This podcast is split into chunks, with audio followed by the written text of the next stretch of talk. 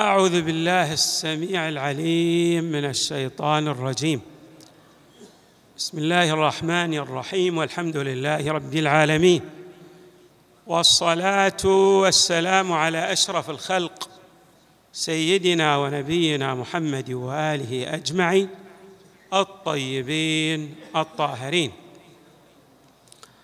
قال الله تبارك وتعالى في القرآن الكريم يرفع الله الذين آمنوا منكم والذين أوتوا العلم درجات. صدق الله العلي العظيم. المصطفى محمد صلى الله عليه وآله الطاهرين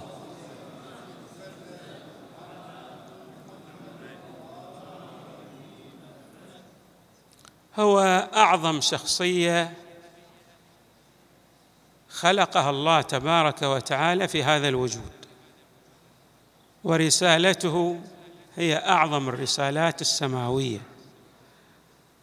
وشكلت هذه الرسالة انعطافا كبيره وعظيمه في التاريخ البشري وقامت على مجموعة من الركائز من أهم هذه الركائز الإيمان بالله تبارك وتعالى. وقد استعرضت آيات متعددة في القرآن الكريم مسألة الإيمان بالله تبارك وتعالى ودور الإيمان في تقدم المجتمعات الإنسانية وفي الرفاه الذي يعيشه الإنسان في جوانب الحياة المختلفة.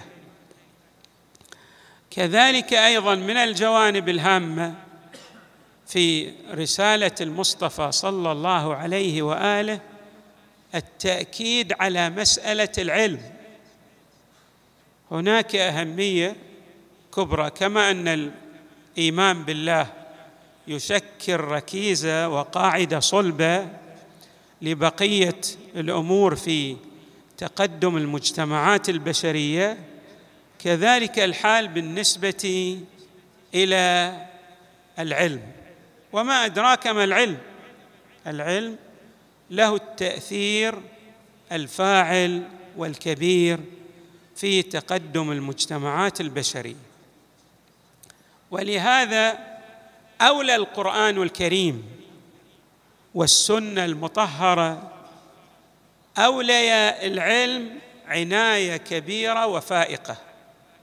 وأكد القرآن الكريم وكذلك أكدت السنة المطهرة على أهمية أن يلتفت الإنسان المسلم إلى دور العلم في منحيي حياته في المنحى في المجال المادي وفي المنحى في المجال الأخروي.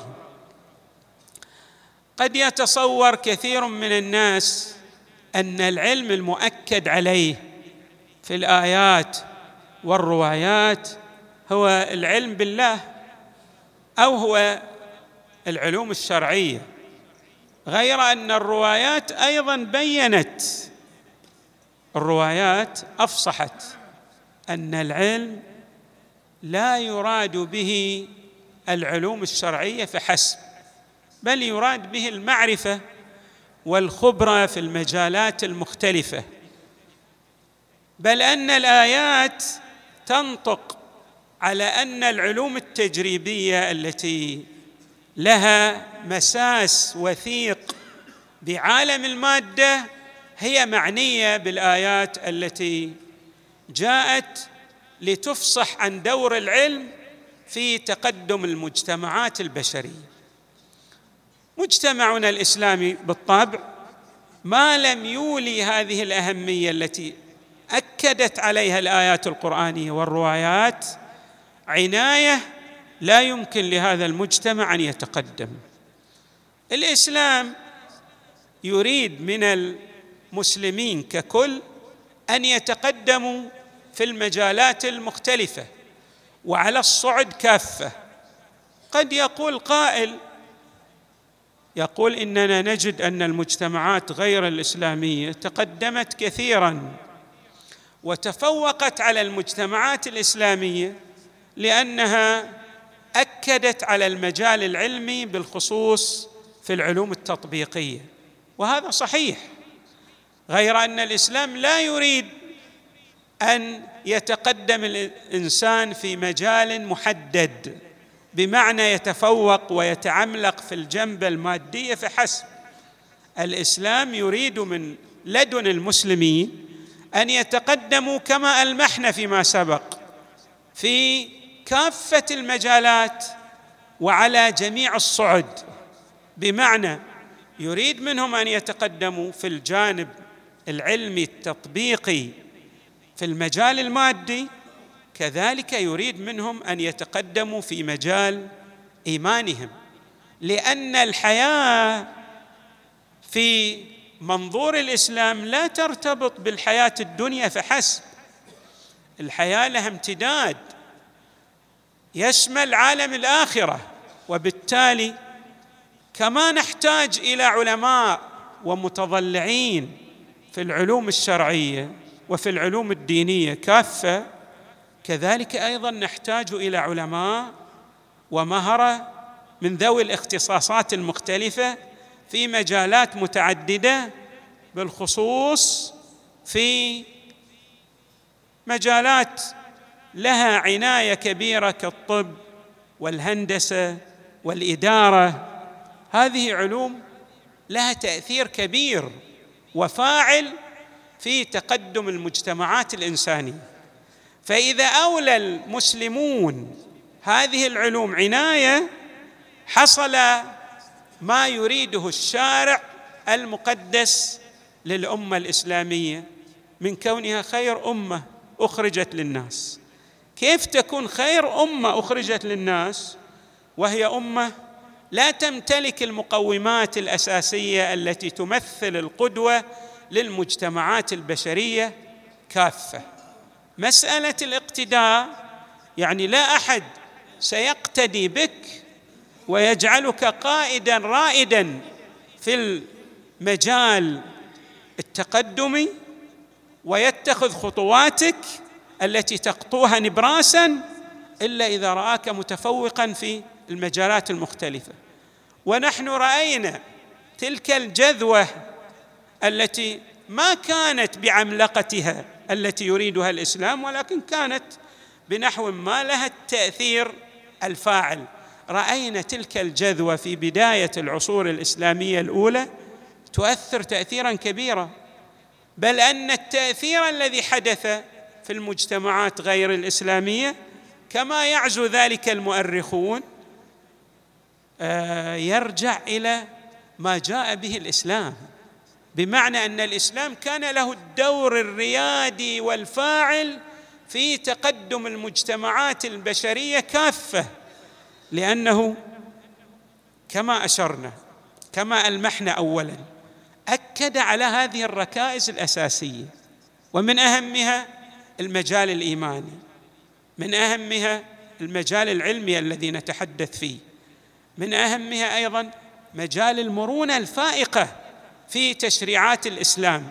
الكثير من الذين لا يعرفون الإسلام يظنون أن الإسلام هو طقوس جامدة والحال أن هذه التشريعات الإسلامية لها مرونة فائقة تواكب حياة الإنسان في المجالات المختلفة بما يتناسب مع وضعه الذي يريد له الله تبارك وتعالى أن يتقدم فيه.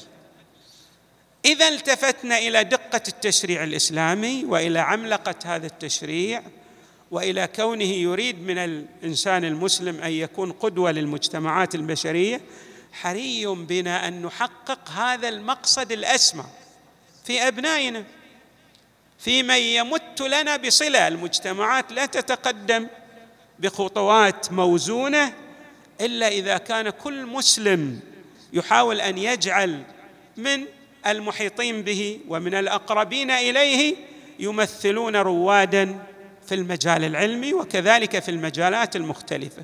والنبي صلى الله عليه وآله منذ بدء الدعوة كما رأينا يعني ليس فقط في المجال النظري كما جاء في آية القرآن الكريم اقرأ باسم ربك الذي خلق لا. أو في قوله تعالى شهد الله أنه لا إله إلا هو والملائكة وأولو العلم. المجال ليس في عالم النظرية فحسب بل في المجال التطبيقي.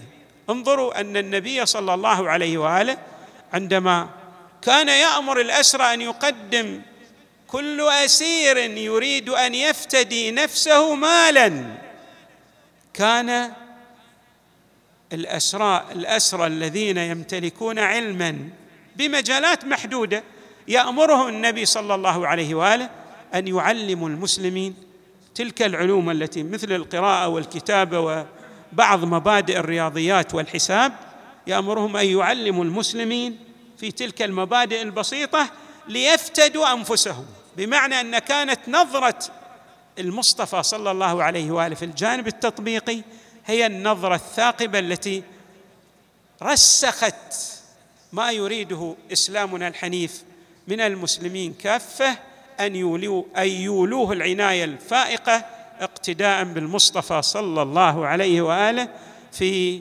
المجالات المتعددة. نسأل الله تبارك وتعالى أن يجعلنا مع نبينا محمد صلى الله عليه وآله في الدنيا والآخرة ومع أهل بيته البررة الميامين. والحمد لله رب العالمين.